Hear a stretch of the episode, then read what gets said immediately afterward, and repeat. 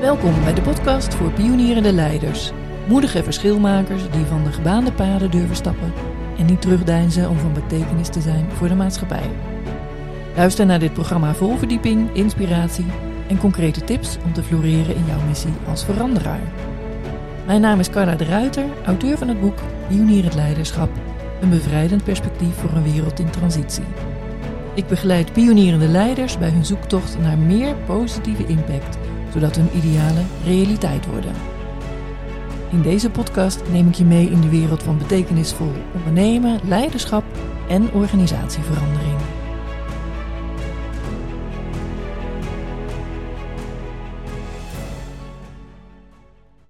Voor deze aflevering ga ik in gesprek met Matthijs Bobeldijk, bedrijfskundige en zelfstandig ondernemer met een missie. Matthijs is gespecialiseerd in het ontwerpen van maatschappelijke businessmodellen en hij schreef het boek Impact, Zet de wereld vanuit de purpose case naar je hart. Matthijs gelooft dat geld verdienen hand in hand gaat met de planeet en het welzijn van mens en dier. Hij is de ontwerper van de Purpose Case. Welkom Matthijs. Dankjewel Carla. Leuk dat je hier uh, bent. Ja, leuk om hier te zijn. Ja, nou ik was heel erg uh, jaren geleden toen jouw boek uitkwam, heel enthousiast over jouw boek. Mm -hmm. En uh, daarom heel fijn dat je nou hier bent. Want ik heb een heleboel vragen. Oh jee, leuk. laten, we, laten we starten. Ja. Om te beginnen, wat is een purpose case? Ja, dat is een hele goede vraag. Een purpose case is een, um, een methodiek waarbij je samen uh, tussen organisaties, vooral individuen van verschillende organisaties, maatschappelijke vraagstukken kunt oplossen. Of grotere vraagstukken die groter zijn dan die je zelf of vanuit je organisatie kunt aanpakken. Dus denk aan de energietransitie, armoedebestrijding, uh, voedseltransitie. Nou, al die grote thema's waarvan je eigenlijk zegt van ja, maar hè, dat, dat kan niet alleen opgepakt worden door een school of een overheid of een bedrijf, maar dat moet je echt samen doen. Daarbij kan je de purpose case gebruiken. Mm -hmm. En uh, ja, het, het, zijn elf puzzelstukken die de, de purpose case uh, omvat. Elf thema's die als je gaat samenwerken altijd uh, in een samenwerking voorbij komen. Oké, okay, en maar dat klinkt wel als hele grote uh, projecten. Klopt, klopt. Ja. Maar is het, is het ook als ik het lees, denk ik ook, hé, hey, dat, dat kan ik ook doen. Zeker, ja. Nou, de kunst is, is dat je hele grote vraagstukken met elkaar klein maakt. Oké. Okay. Ja, dus het gaat over groot dromen, maar vooral klein starten. Dus uh, het oplossen van de energietransitie, dat begint in een wijk het oplossen van armoedebestrijding ook. Ja. En zo uh, kan het dus zijn dat uh, een aantal partijen uit, uit één gemeente de krachten bundelen om gewoon op heel lokaal niveau uh, bepaal, bepaalde acties in gang te zetten met elkaar. Mm. En waarom is dat zo belangrijk? Omdat we het steeds hebben over hele grote, hoogover termen als transitie en energietransitie. Uiteindelijk moet dat wel ergens landen. Ja. dus bij iemand op een dak of het belandt bij iemand in, in de huiskamer. Of, of, of hè, mensen hebben, uh, hebben last van dingen of krijgen last van dingen. Dat, dat moet opgepakt worden op een ondernemende manier. En we kunnen wel ja, uh, erover blijven praten, maar we moeten vooral aan de slag gaan. Ja. Alleen de vraag is dus, hoe doe je dat dan? En één gaat over, het is zo ontzettend groot. Nou, daar, is bij, daar, daar helpt het dan om het kleiner te maken. Daar kun je de purpose case voor gebruiken. Maar anderzijds gaat het ook over dat je het samen doet. En het samenwerkingsproces, um, daar zijn we nog niet heel erg gewend. In die hele markteconomie zijn we gewend om vanuit waardeketens met elkaar zaken te doen, is het ook vaak. Hè? Dus uh, ja. de, de, overheid die levert iets, uh, of een bedrijf levert iets. Dus we zitten bijna altijd wel in een klant-leverancierrelatie met elkaar. En als je dan opeens moet gaan samenwerken vanuit gelijkwaardigheid, ja, dan popt toch dat, dat gedrag wat we altijd al vertoond hebben vanuit we zijn transacties met elkaar aan het doen, dat komt omhoog. We weten helemaal niet meer hoe het is om met elkaar samen te werken. En die purpose case, daar zitten dus die elf puzzelstukken in. En die kun je met elkaar bespreken en, en proberen consensus te bereiken over maar wat is het dan precies wat we gaan doen? En hoe zorgen we dat we het in de lucht houden? En hebben we eigenlijk met elkaar een droom? En voor wie doen we dit eigenlijk? Nou, Ja. Dat zijn allemaal van die thema's. Mooi. Hey, en hoe ben je er zo toe gekomen? Sowieso ook, ook hè, met het schrijven van je boek. Daar is vast een moment aan vooraf gegaan. Ehm, nou ja, wat jij bij de introductie ook al aangaf, ik eh, ben bedrijfskundige van achtergrond, gespecialiseerd in businessmodellen. En ehm, ik werkte veel met het business model Canvas. Voor mensen die, die dat niet kennen, dat is een bedrijfskundig instrument. Dat is eh, ja, rond, eh, even denken, wanneer is dat ontstaan? Ja, ergens een aantal jaren naar 2000, 2005, 2006 is, dat, eh, is dat ontstaan. Door een eh, Zwitserse wetenschapper, Alexander Osterwalder, ontwikkeld. En die is eigenlijk een businessmodel, bestaat uit negen bouwstenen. En iedere organisatie heeft een businessmodel en daarmee laat je eigenlijk zien welke waarde je creëert. En ehm, ik deed eh, aan de Erasmus Universiteit onderzoek naar businessmodel innovatie van de Nederlandse muziekindustrie. Ik werkte namelijk eh, eh, toen in de muziek. En toen kwam ik er al snel achter dat ehm, als je gaat samenwerken, heb je ook een businessmodel. Maar voor mij, we hebben best wel lang dat businessmodel Canvas gebruikt. Maar er zaten elementen in, er ontbraken elementen. En ik was de allerlei dingen aan elkaar aan het knopen. En op een gegeven moment dacht ik van, waarom zijn we eigenlijk dingen aan elkaar aan het knopen? Kunnen we niet daar een instrument voor maken? En toen werd ik 's ochtends een keer wakker.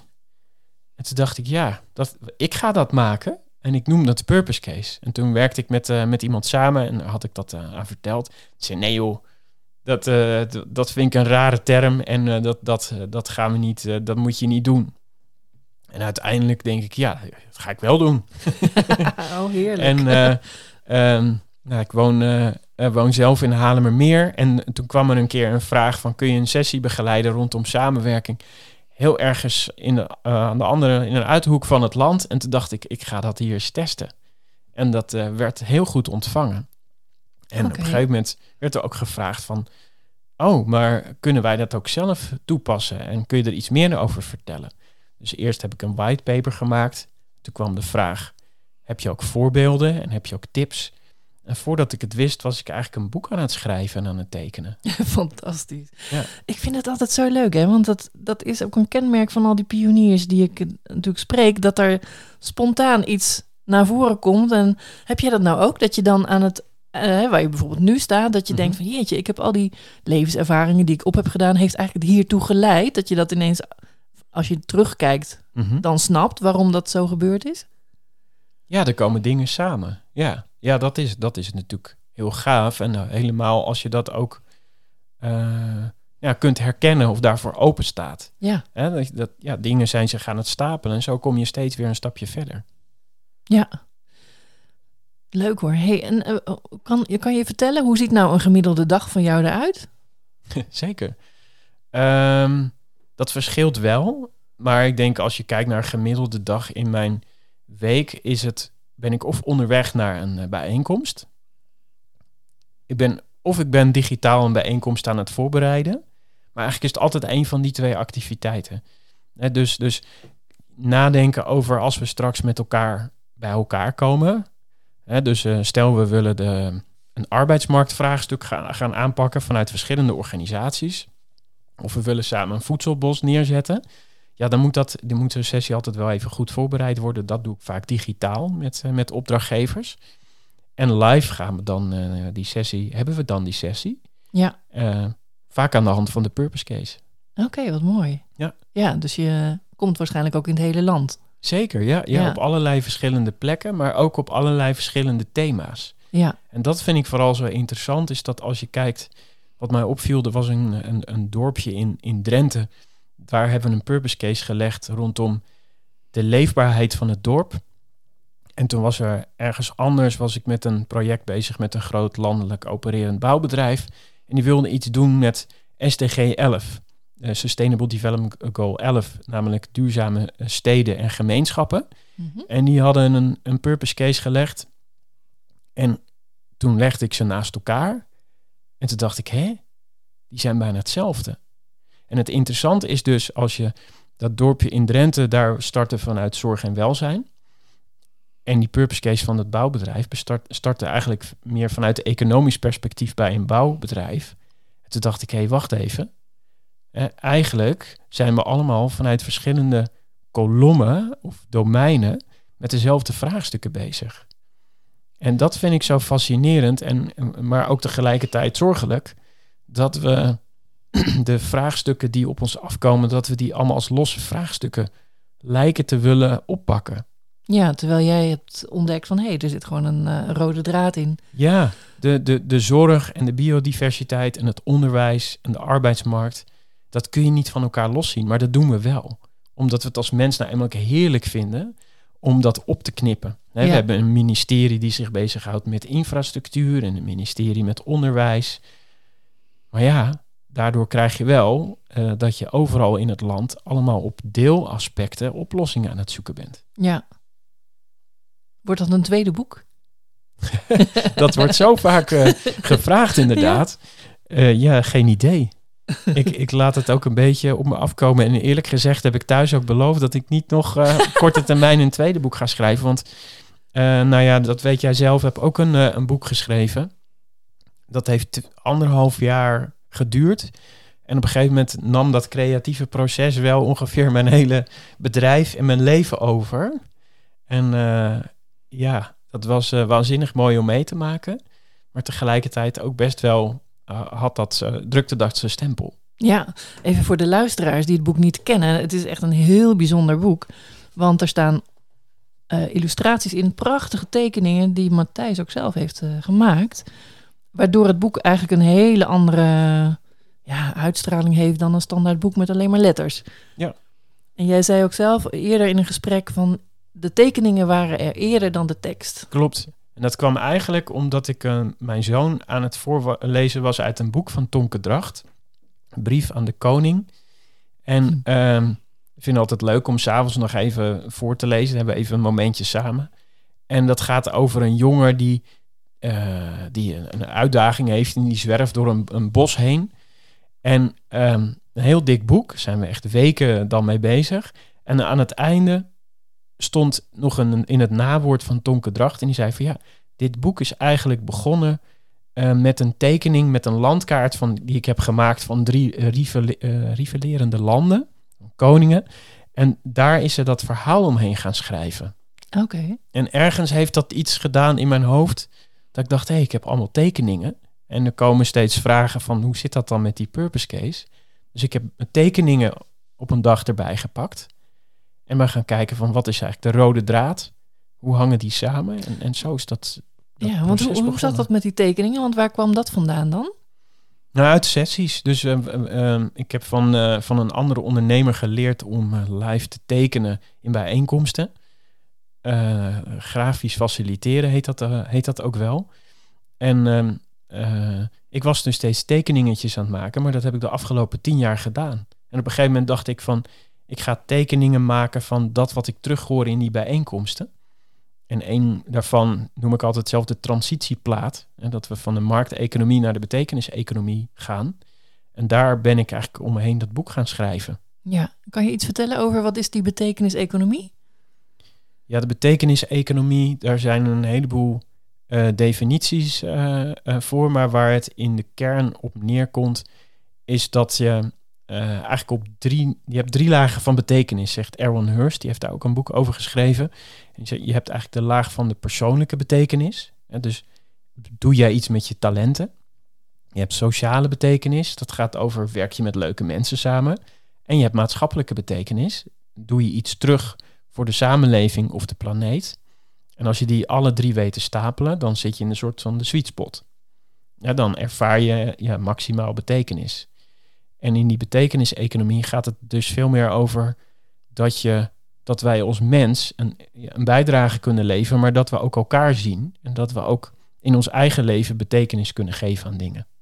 En in de markteconomie wordt het vooral vaak erg al gedefinieerd door een ander, door het systeem. Ja, Zie jij daar vooruitgang in? Want die betekeniseconomie is natuurlijk al, uh, zeker ook in Nederland. Hè? We hebben natuurlijk ook uh, uh, voorvechters daarvan die daar al lang, jarenlang mee bezig zijn. Zie jij verandering in positieve zin? Absoluut.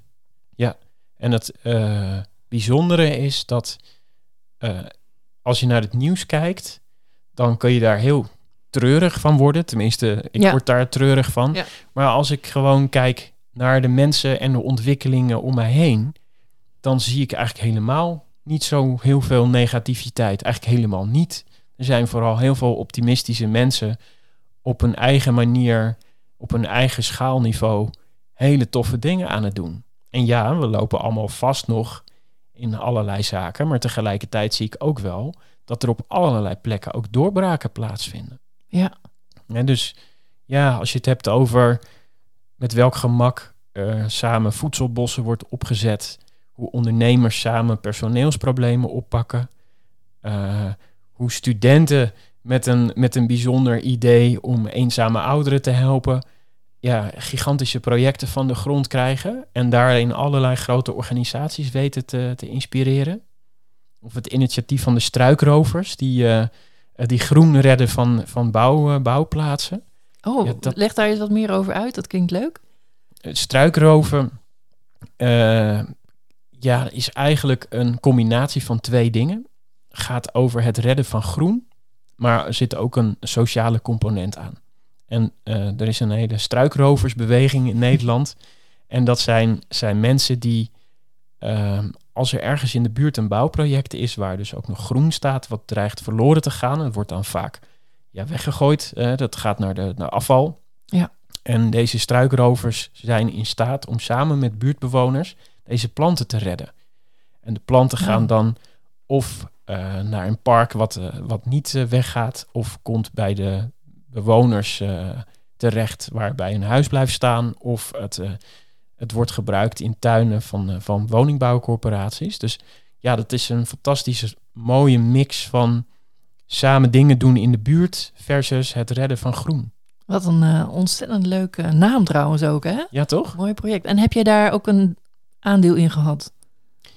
Nee, nee, zeker niet, niet in hoe dat is ontstaan. Maar ehm, we hebben wel weer een purpose case gelegd, bijvoorbeeld voor een roverstuin. Een roverstuin is een tijdelijke plek waar, ehm, waar die planten dan terecht moeten Oké. komen uit een struikroofactie. Ja, want ik er meende zijn- dat jij daar iets mee te doen Nee, had. ja, inderdaad. zeker. Nee, ik, ik, Ja. eh, ik, ik mag ze daar wel bij helpen. Maar te zeggen dat ik daar eh, de aanstichter van ben, Nee, dat is zeker nee. niet zo. Ja, ja, ik mag erbij een, een bijdrage aan leveren aan de verdere ontwikkeling. Maar dat, dat maakt het wel leuk, want als ik het zo hoor, heb je een hele positieve baan. Zeker, ja. Absoluut. Hoe ervaar jij dat om eh, ondernemer te zijn? Dat is vaak heel leuk. eh, want je kunt eigenlijk, ja, als je het hebt over creativiteit eh, en over zakelijke creativiteit, dan voelt het soms een beetje als met Lego spelen. Hè? Je, kunt, je kunt het helemaal op je eigen manier inrichten. Dat is fantastisch.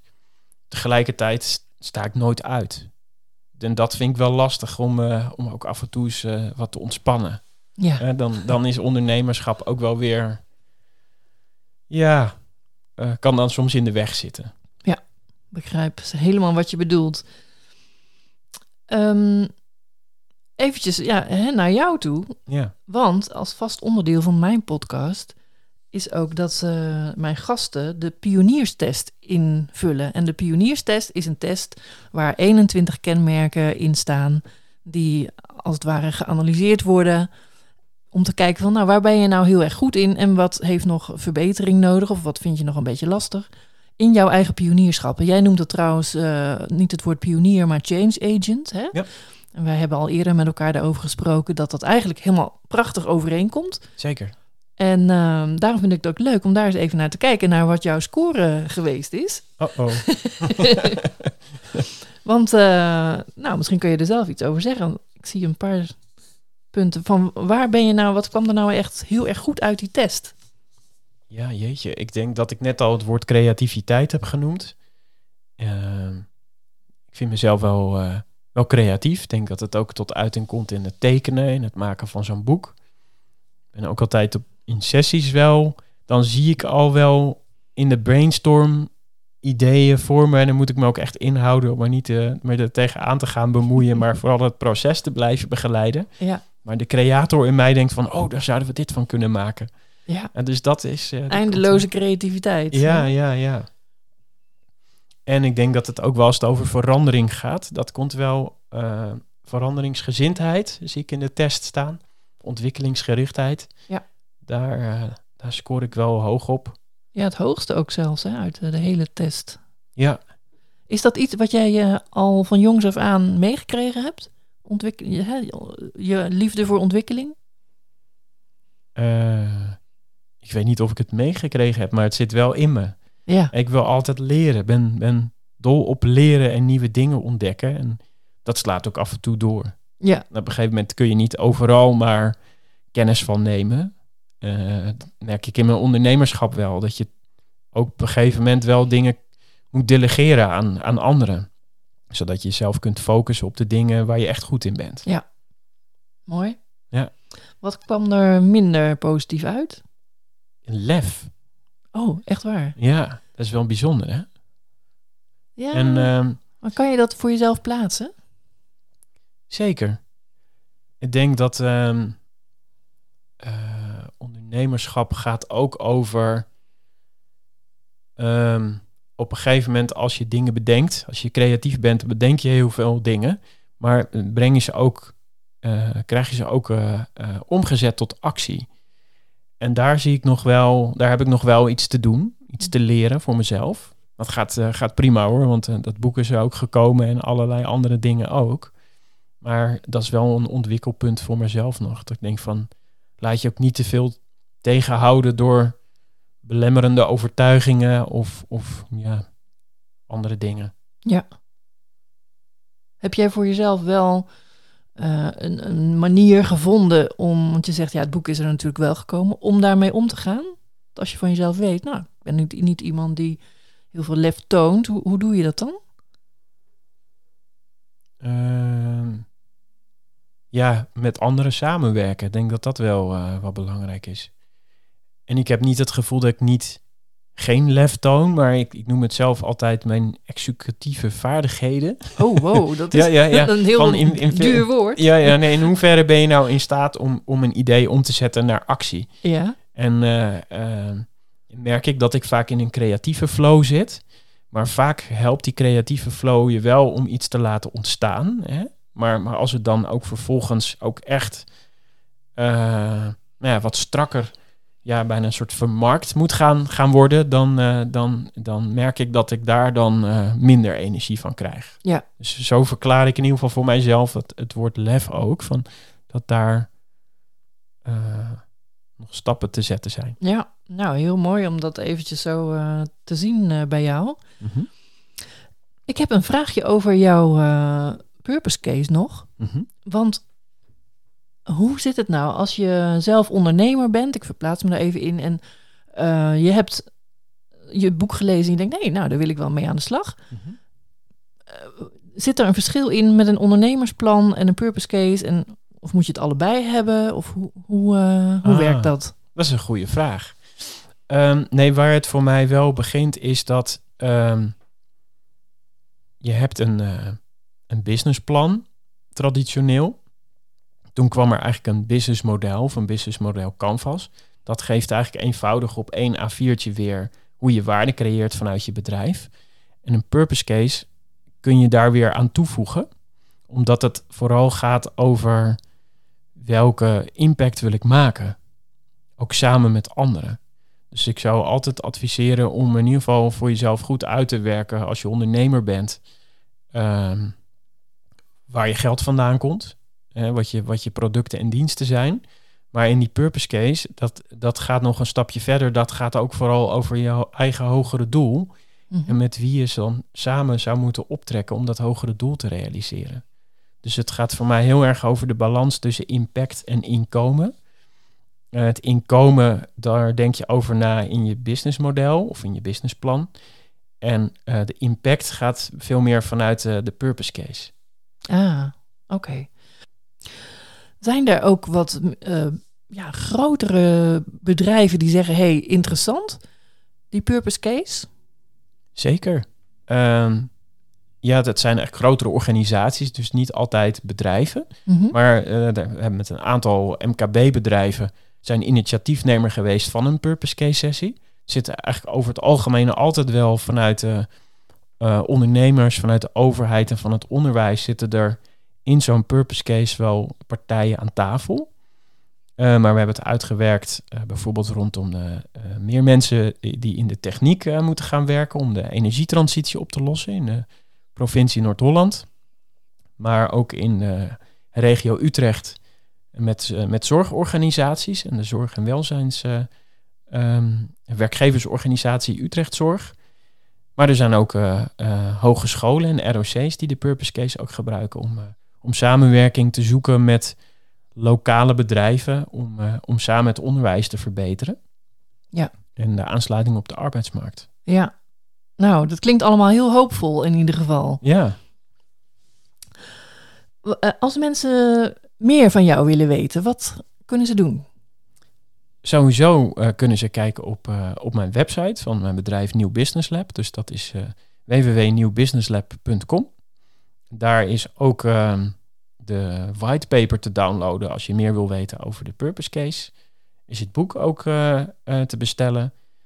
Uh, ja, daar, daar staat eigenlijk alles op ja, wat ik aanbied als je hier verder mee aan de slag zou willen. Mooi. Ik zal de linkjes even opnemen onder de podcast zelf.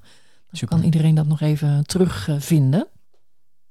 nou, dankjewel Matthijs voor dat inspirerende gesprek. Ja, jij bedankt, Carla. Leuk. En uh, nou, ik denk dat je een prachtig voorbeeld bent van een pionierleider die uh, ook constant zelf door blijft ontwikkelen. En ja, een mooie missie heeft. Ja, dankjewel. Dankjewel. Dankjewel voor het luisteren. Wil je op de hoogte blijven en geen aflevering missen? Abonneer je dan op deze podcast en laat een review achter. Heb je mijn boek Pionier het Leiderschap al gelezen? Het is een must voor pioniers, verschilmakers, veranderaars die oog hebben voor de toekomst. Je bestelt deze eenvoudig via pionierhetleiderschap.nl. Op deze website vind je allerlei mogelijkheden om met Pionier Leiderschap aan de slag te gaan. Tot een volgende keer.